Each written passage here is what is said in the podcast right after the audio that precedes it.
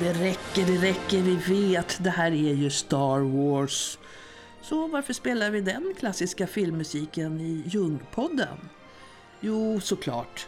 För vi ska prata om det område där Jung kanske har haft och fortfarande har allra störst betydelse. Nämligen i populärkulturen. Framförallt på bio. Och Star Wars-regissören George Lucas var ju Jung-fantast. Vi kommer snart till honom.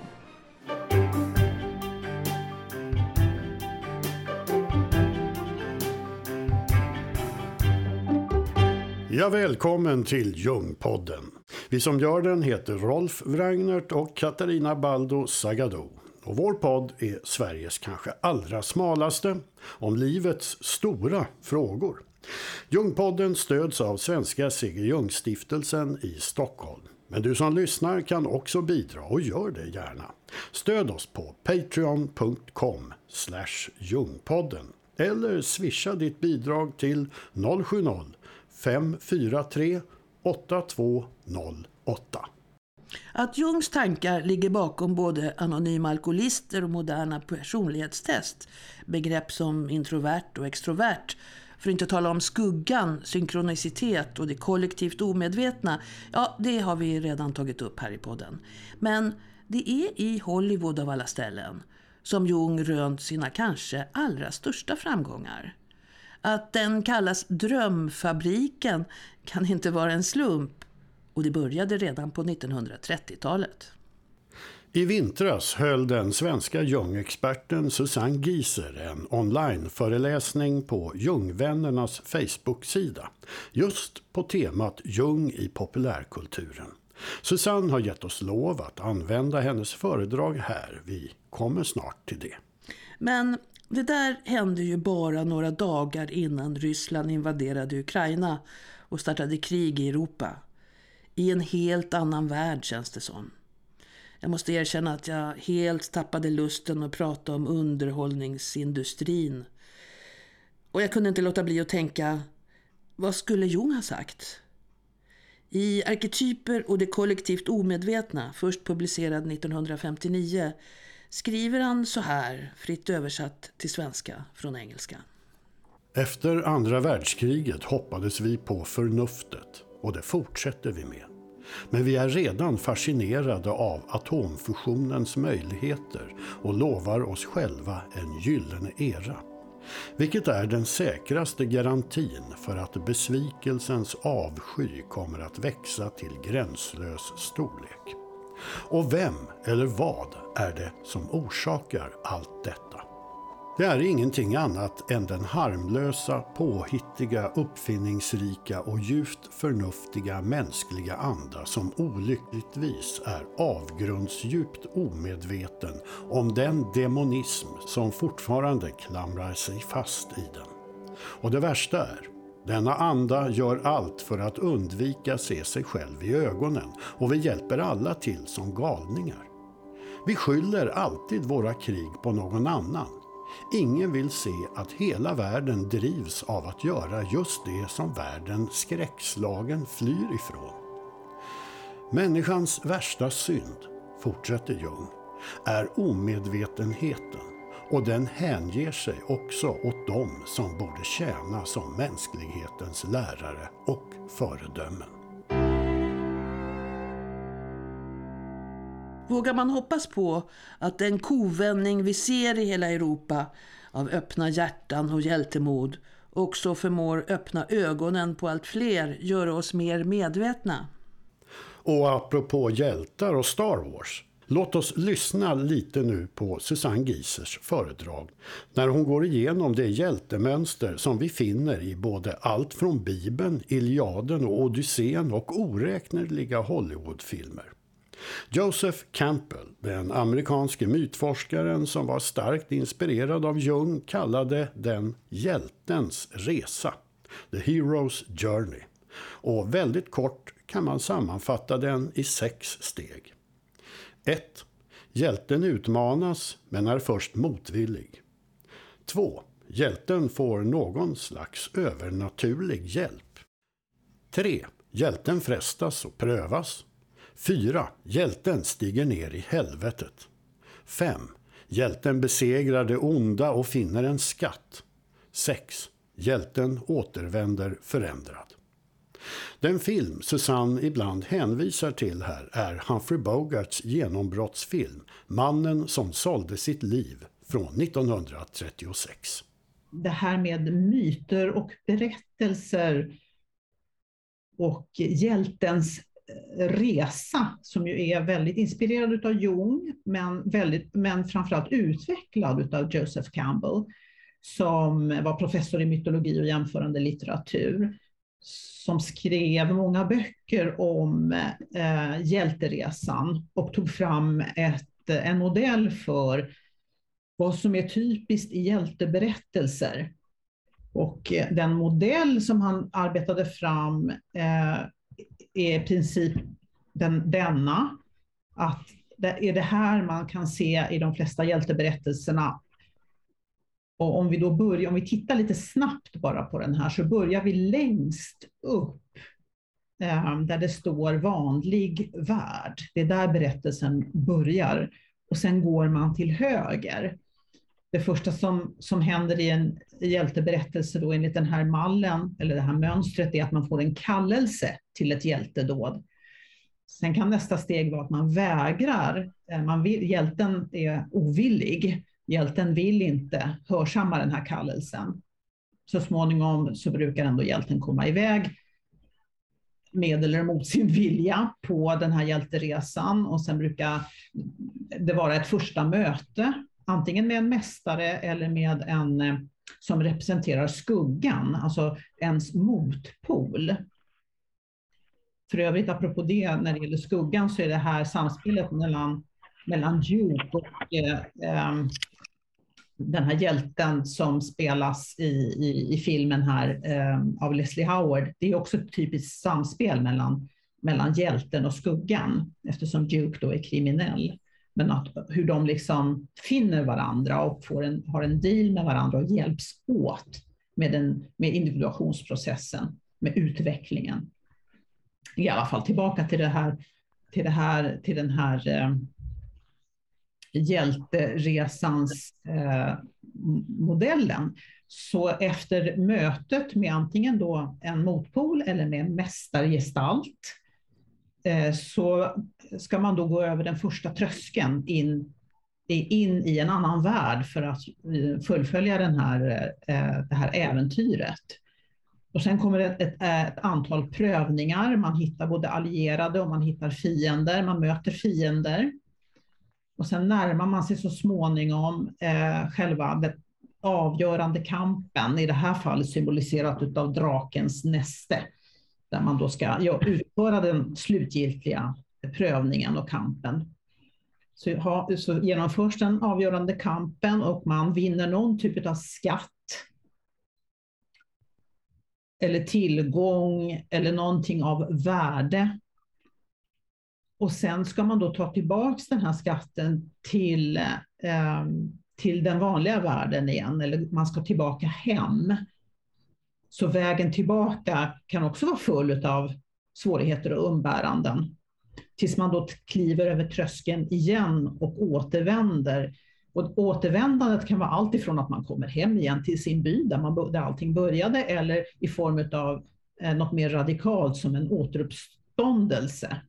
För den här tröskeln över till den andra världen, det kan vara allt ifrån att man går in i en skog eller man åker till ett annat land eller till en annan planet om vi tittar på science fiction men det kan också vara som det klassiska att man går ner i underjorden och att man faktiskt dör som hjälte och måste då återuppstå och återfödas när man går över tröskeln tillbaka till den vanliga världen.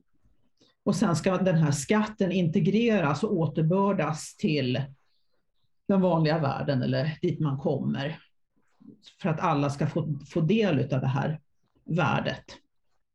Sen finns det en massa saker som kan hända här. Man kan bli, en del hjälteberättelser går inte, går inte runt i hela den här cirkeln utan kan, gå i de, kan berätta delar av den här eh, cirkeln. Campbell pratar också om huvudsakligen fyra typer av hjältar. Eh, genom han har ju fokus på västerlandet framför allt. Och det, en, en typ av hjälte är ju den hjälten som har en muskelkraft och som gör sina hjältedåd genom att, eh, genom att han är just är stark. Han har mycket, han har mycket eh, fysisk kraft och använder den fysiska kraften. Det är Herkules eh, som vi ser som representerar den muskulösa hjälten som använder sin muskelkraft. I mitten har vi en hjälte som, mö, som går ner i underjorden och möter eh, skräckinjagande gestalter och använder sig av en mera psykologisk, eller mera, han är mera intelligent. Han använder sig av olika, eh, till exempel i det här fallet då använder han skölden som en spegel. Så att hans huvudsakliga kraft ligger inte att han är stark utan att han är psykologiskt smart och, och får ett tips från något håll, ofta från en kvinna faktiskt, hur han ska göra för i det här fallet möta Medusan. Medusan förvandlar ju alla som hon tittar på till sten.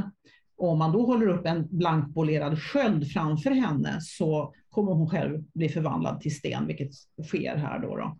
Och, eh, så det är, man kan säga att det är en mer psykologiskt smart, intelligent hjälte som, som vet hur man ska lura monstret eller den onda kraften. Och sen har vi en tredje form av hjälte som handlar mer om att hjälten i sig måste offra sig och gå ner i underjorden eller låta sig själv dö för att det ska ske en förvandling och en återuppståndelse. Och här har vi eh, Osiris som symboliserar den typen av hjälte. I kristendomen har vi naturligtvis en väldigt tydlig representant för den här typen av hjältegestalt som offrar sitt liv för att en åter, återfödelse ska bli möjlig, en regeneration ska bli möjlig. När vi tittar på den kvinnliga sfären, nu, nu då har jag tittat på Erich Neumanns eh, verk. Han har ju skrivit mycket om den stora modern. Han delar in de kvinnliga arketypiska krafterna i en elementär som är kopplad till kroppen, till jorden, till fruktbarheten, här representerad av Venus från Willendorf. Och, till den, och på andra sidan finns en typ av gudinna där huvudet och ögonen är väldigt framträdande som representerar en mer andlig transformation. Vi ser den här stora huvudbonaden och vi ser de markanta ögonen, de stora öppna ögonen som representerar de här gudinnorna. Allt enligt Neumanns teori. Och i, i, den kvinnliga världen då så har vi olika eh, hjältinnor kan man säga, gudinnor här i form av Inanna. Hon är också en gudinna som stiger ner i underjorden och offrar sig själv och är därmed lik till exempel Osiris som gestalt. Ehm, eller de berättelser som handlar om mor och dotter som här med eh, Demeter och Persefone. Ehm, Demeter är moder, moder jord och Persefone är hennes dotter som rövas ner till underjorden och så småningom efter många öden och äventyr så får hon komma tillbaka eh, till sin mor och återknyta kontakten och representerar någon typ av cyklisk, också organisk och vegetativ eh, symbolik.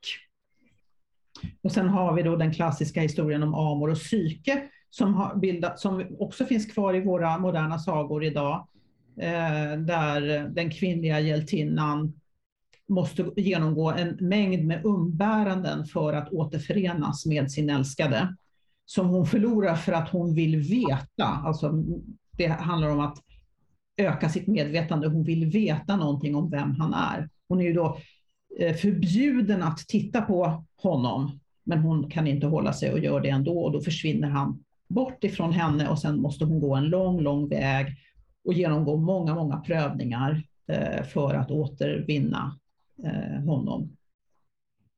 Så det, det här är bara för att nämna några typiska hjälte berättelser både med manliga och kvinnliga förtecken. Hjältinnans resa, eh, det finns många olika försök att, att eh, koka ner det på samma sätt som Campbell gjorde i sitt eh, schema för den typiskt manliga hjälteresan. Och här ser vi då de stadierna, det ser lite annorlunda ut. Här är det då mera en identifikation med det maskulina och anskaffande av allierade. Sen går man också en prövningarnas väg med många möten med olika utmaningar som leder så småningom till någon typ av framgång och uppvaknande och sen någon typ av nedstigning och möte med gudinnan eh, och sen en återanknytning till det kvinnliga och ett läkande utav klyvningen mellan mor och dotter. Och ett, sen, sen därefter ett läkande av den sårade maskuliniteten och sen en slutlig integration av manligt och kvinnligt. Hjältens resa alltså. Och Joseph Campbell, född 1904 och död 1987, amerikansk professor i litteratur i New York och starkt påverkad av Jung. Mest känd är Campbell för sina verk i jämförande mytologi och religion och just för det där begreppet hjältens resa. Det var Campbells teorier som Star Wars-regissören George Lucas blev så inspirerad av att han skapade Stjärnornas krig-universumet. Så här berättar han själv i en intervju med Bill Moyers om hur Francis Ford Coppola blev hans första mentor i filmvärlden, lärde honom hur man jobbar med skådespelare, tills han mötte Joe, som han kallar Joseph Campbell, som ställde alla de rätta frågorna. obviously my first mentor was my father, but then you progress with either you know people that are more skilled in a particular area than you are. Um, in film, Francis Coppola became my mentor, and and taught me how to write screenplays, taught me how to work with actors. Uh, I was much more of a, a, cameraman and a film editor, much more on the technical side of things, and um, you know I think my last mentor probably was Joe, who Joseph Campbell. Joe Campbell, who asked a lot of the interesting questions and exposed me to a lot of things that made me very interested in uh, a lot more of the cosmic questions and the mystery. Uh, and I've been interested in those all my life, but I, I hadn't focused it the way I had once I got to be good friends with Joe. What do you make of the fact that so many people have interpreted Star Wars as, as, as being profoundly religious? I don't see Star Wars as profoundly religious. I see Star Wars as as taking um, all of the issues that religion represents and trying to distill them down into a, a more modern uh, and e- more easily accessible uh, construct that people can grab onto to accept the fact that there is a greater mystery out there. When I was 10 years old, uh, I asked my mother, I said, Well, there's only one God. Why are there so many religions? And over the years, I've been pondering that question ever since. And it would seem to me that the conclusion I've come to is that all the religions are true. They just see a different part of the elephant. Religion is basically a, a, a container for faith. Um, faith is uh, the, the glue that holds us together as a society. Faith in our, in our, our culture, our, our world or you know, whatever it is that we're trying to hang on to. Campbells frågor återuppväckte George Lucas barndomsintresse för myter och mysterier. Men religiösa i traditionell bemärkelse tycker regissören själv inte att de är. Mitt syfte, säger han, är att få folk att fatta att det finns något mer där ute, något stort. Religion är bara en behållare för tro.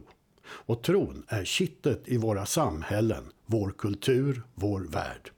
Mer jungiansk än så kan man väl knappast vara. Och när vi ändå talar om hjältar kan vi förstås inte låta bli att tala om Ukraina. Världsläget har ju sorgligt nog gjort hjältebegreppet mer aktuellt än på mycket länge. Inte konstigt att det också var veckans ord i Sveriges Radios P1 för ett tag sedan. Och denna vecka så ser Emma Engström hur idoler uppstår och faller i en allt snabbare takt. Veckans ord är hjälte. Få har vid det här laget missat att Ukrainas president Volodymyr Zelensky började som skådespelare.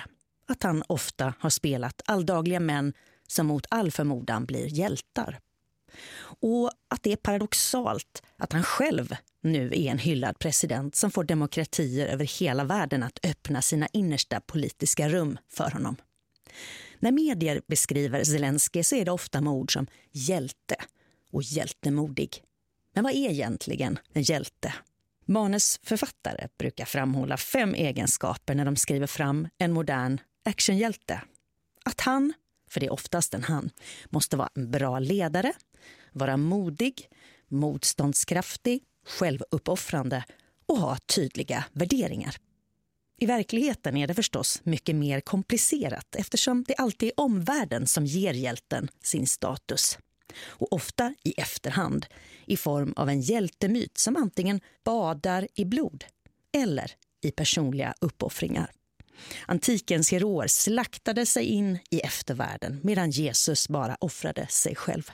Och de här två, ta andras blod eller ge av det egna, är i olika blandningar än idag det som bygger en hjälte. Att utnämna någon till hjälte det kan också vara ett sätt att driva politik. Att visa att den egna saken är den rätta och att den inslagna vägen är framgångsrik. Som i den bioaktuella iranska filmen A Hero där en fånge på permission plötsligt får en officiell hjältestatus. Han har hittat en väska med guldmynt som han lämnat tillbaka till ägaren. Och det finns många gråzoner i händelseförloppet men eftersom berättelsen passar politiska syften så lyfts hans oegennytta till skyarna i tv och av fängelseledningen. Och lika snabbt som han har hyllats ifrågasätts hans moral och så är han åter en simpel förbrytare i samhällets ögon. Och ibland är det svårt att hänga med i vem som är hjälte och vem som bara är en skurk. Ett färskt exempel på det är skådespelaren Will Smiths försök att med våld försvara sin frus heder under Oscarsgalan i söndags. När komikern Chris Rock skämtade om Jada Pinkett Smiths rakade huvud så antog Will Smith en roll han har spelat många gånger. En rättmätig hämnare, en försvarare av allt som är gott. En all American hero som gav sin motståndare en smäll på käften. Och många andra såg istället en Don Quixote som förblindats av riddarhistorier och som slogs mot väderkvarnar. Och det var nog stressen som fick Will Smith att bli filosofisk under sitt tacktal och råka säga Art imitates life, alltså konsten imiterar livet. När han just gett ett pedagogiskt exempel på motsatsen. Oscar Wildes kända citat Livet imiterar konsten mycket mer än konsten imiterar livet. Ukrainas president Volodymyr Zelensky han har förstått kraften i att låna från myterna och att ta det som fungerar 2022. Blodtörstiga halvgudar göre sig icke besvär. Hellre en vanlig kille som gjort sig känd för att spela en annan vanlig kille som plötsligt förvandlas till en hjälte.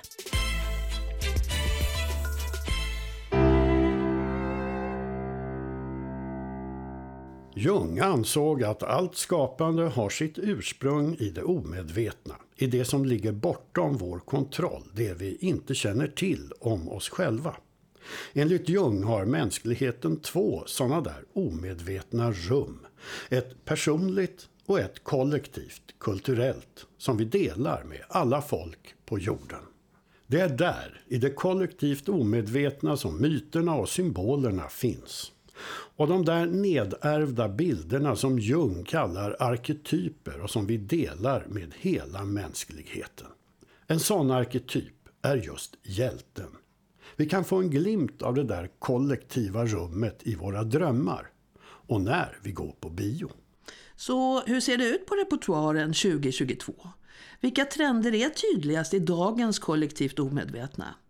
Ja, men superhjältarna står ju som spön i backen.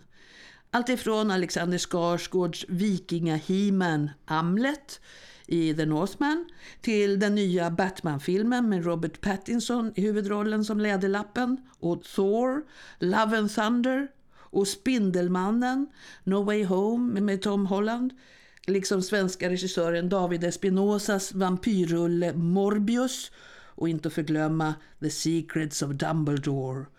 Och Benedict Cumberbatchs nästa film, Doctor Strange in the Multiverse of Madness.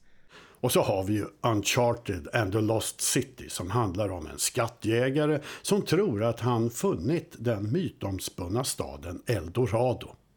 Agatha Christie-klassikern Döden på Nilen med Kenneth Branagh som Hercule Poirot har redan haft premiär och snart kommer Patricia Highsmith-deckaren Deep Water. Liksom skräckfilmerna Scream och Halloween Ends. Och science fiction-dramat The Adam Project som släpps direkt på Netflix om en man som kan resa tillbaka i tiden för att rädda framtiden. Och nya Top Gun-filmen förstås, ja, Tom Cruise är ju med. Också Jurassic Park kommer ju tillbaka i vår med Omar Sy, den franske svarta Arsène Lupin-idolen i en av de ledande rollerna. Ja, ni hör. Allt går igen. Till och med Elvis i en film som heter just så handlar om rockstjärnans relation med sin manager, överste Tom Parker. Nostalgi alltså för hela slanten. Och remakes. Vad betyder det? Make America Great Again? För att inte tala om Ryssland. Att världen längtar efter trygghet i våra osäkra och snabbt föränderliga tider. Själva ordet nostalgi ger ledtrådar. Det kommer från två grekiska ord, nostos som betyder hemkomst och algos som betyder smärta. Hemlängtan alltså. Men att längta är ju inte bara smärtsamt. Det finns också en bitterljuv njutning i all längtan.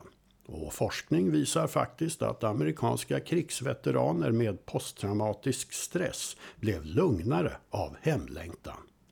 När de mindes sina nära och kära där hemma kände de sig också motiverade att klara av sin situation.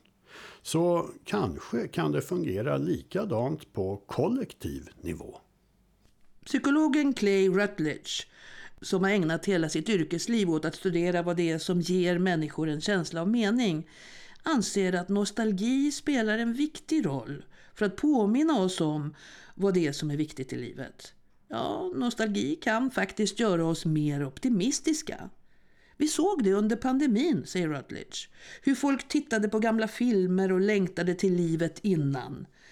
Men den ensamhet som många kände motiverade dem också att härda ut och tänka på hur härligt det skulle bli att träffa barn och barnbarn igen när allt var över. Med andra ord, nostalgi hjälper oss både att komma på vad vi vill och att ta oss till den platsen i livet. Kanske kan man säga att nostalgin också hjälper oss att bli lite mer hjältemodiga.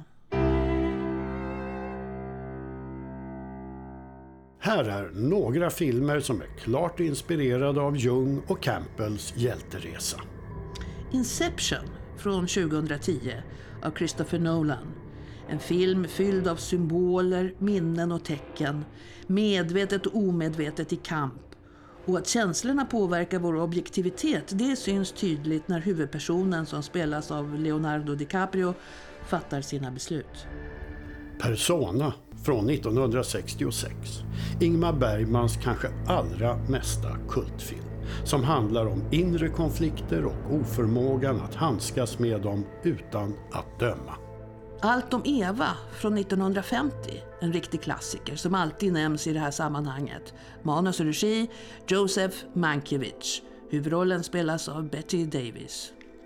Prometheus från 2012 av Ridley Scott om den berömda myten om Prometheus som gav människan elden med Noomi Rapace och Michael Fassbender.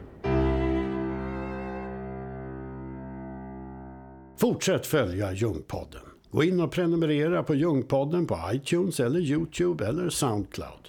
Ljungpodden finns också på Facebook. Och bli vår sponsor på Patreon.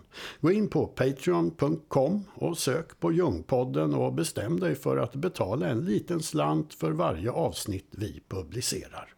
Nästa avsnitt av Ljungpodden handlar om arketyper och myter och lite om Johnny Depp. Missa inte det. Och missa inte att kolla på Ljungsommar jungsommar.com. Där finns uppgifter om ett evenemang som går av stapeln i sommar i juli. Där flera personer som har varit med i Jungpodden också medverkar. Men eh, vi hörs. Ja, vi hörs.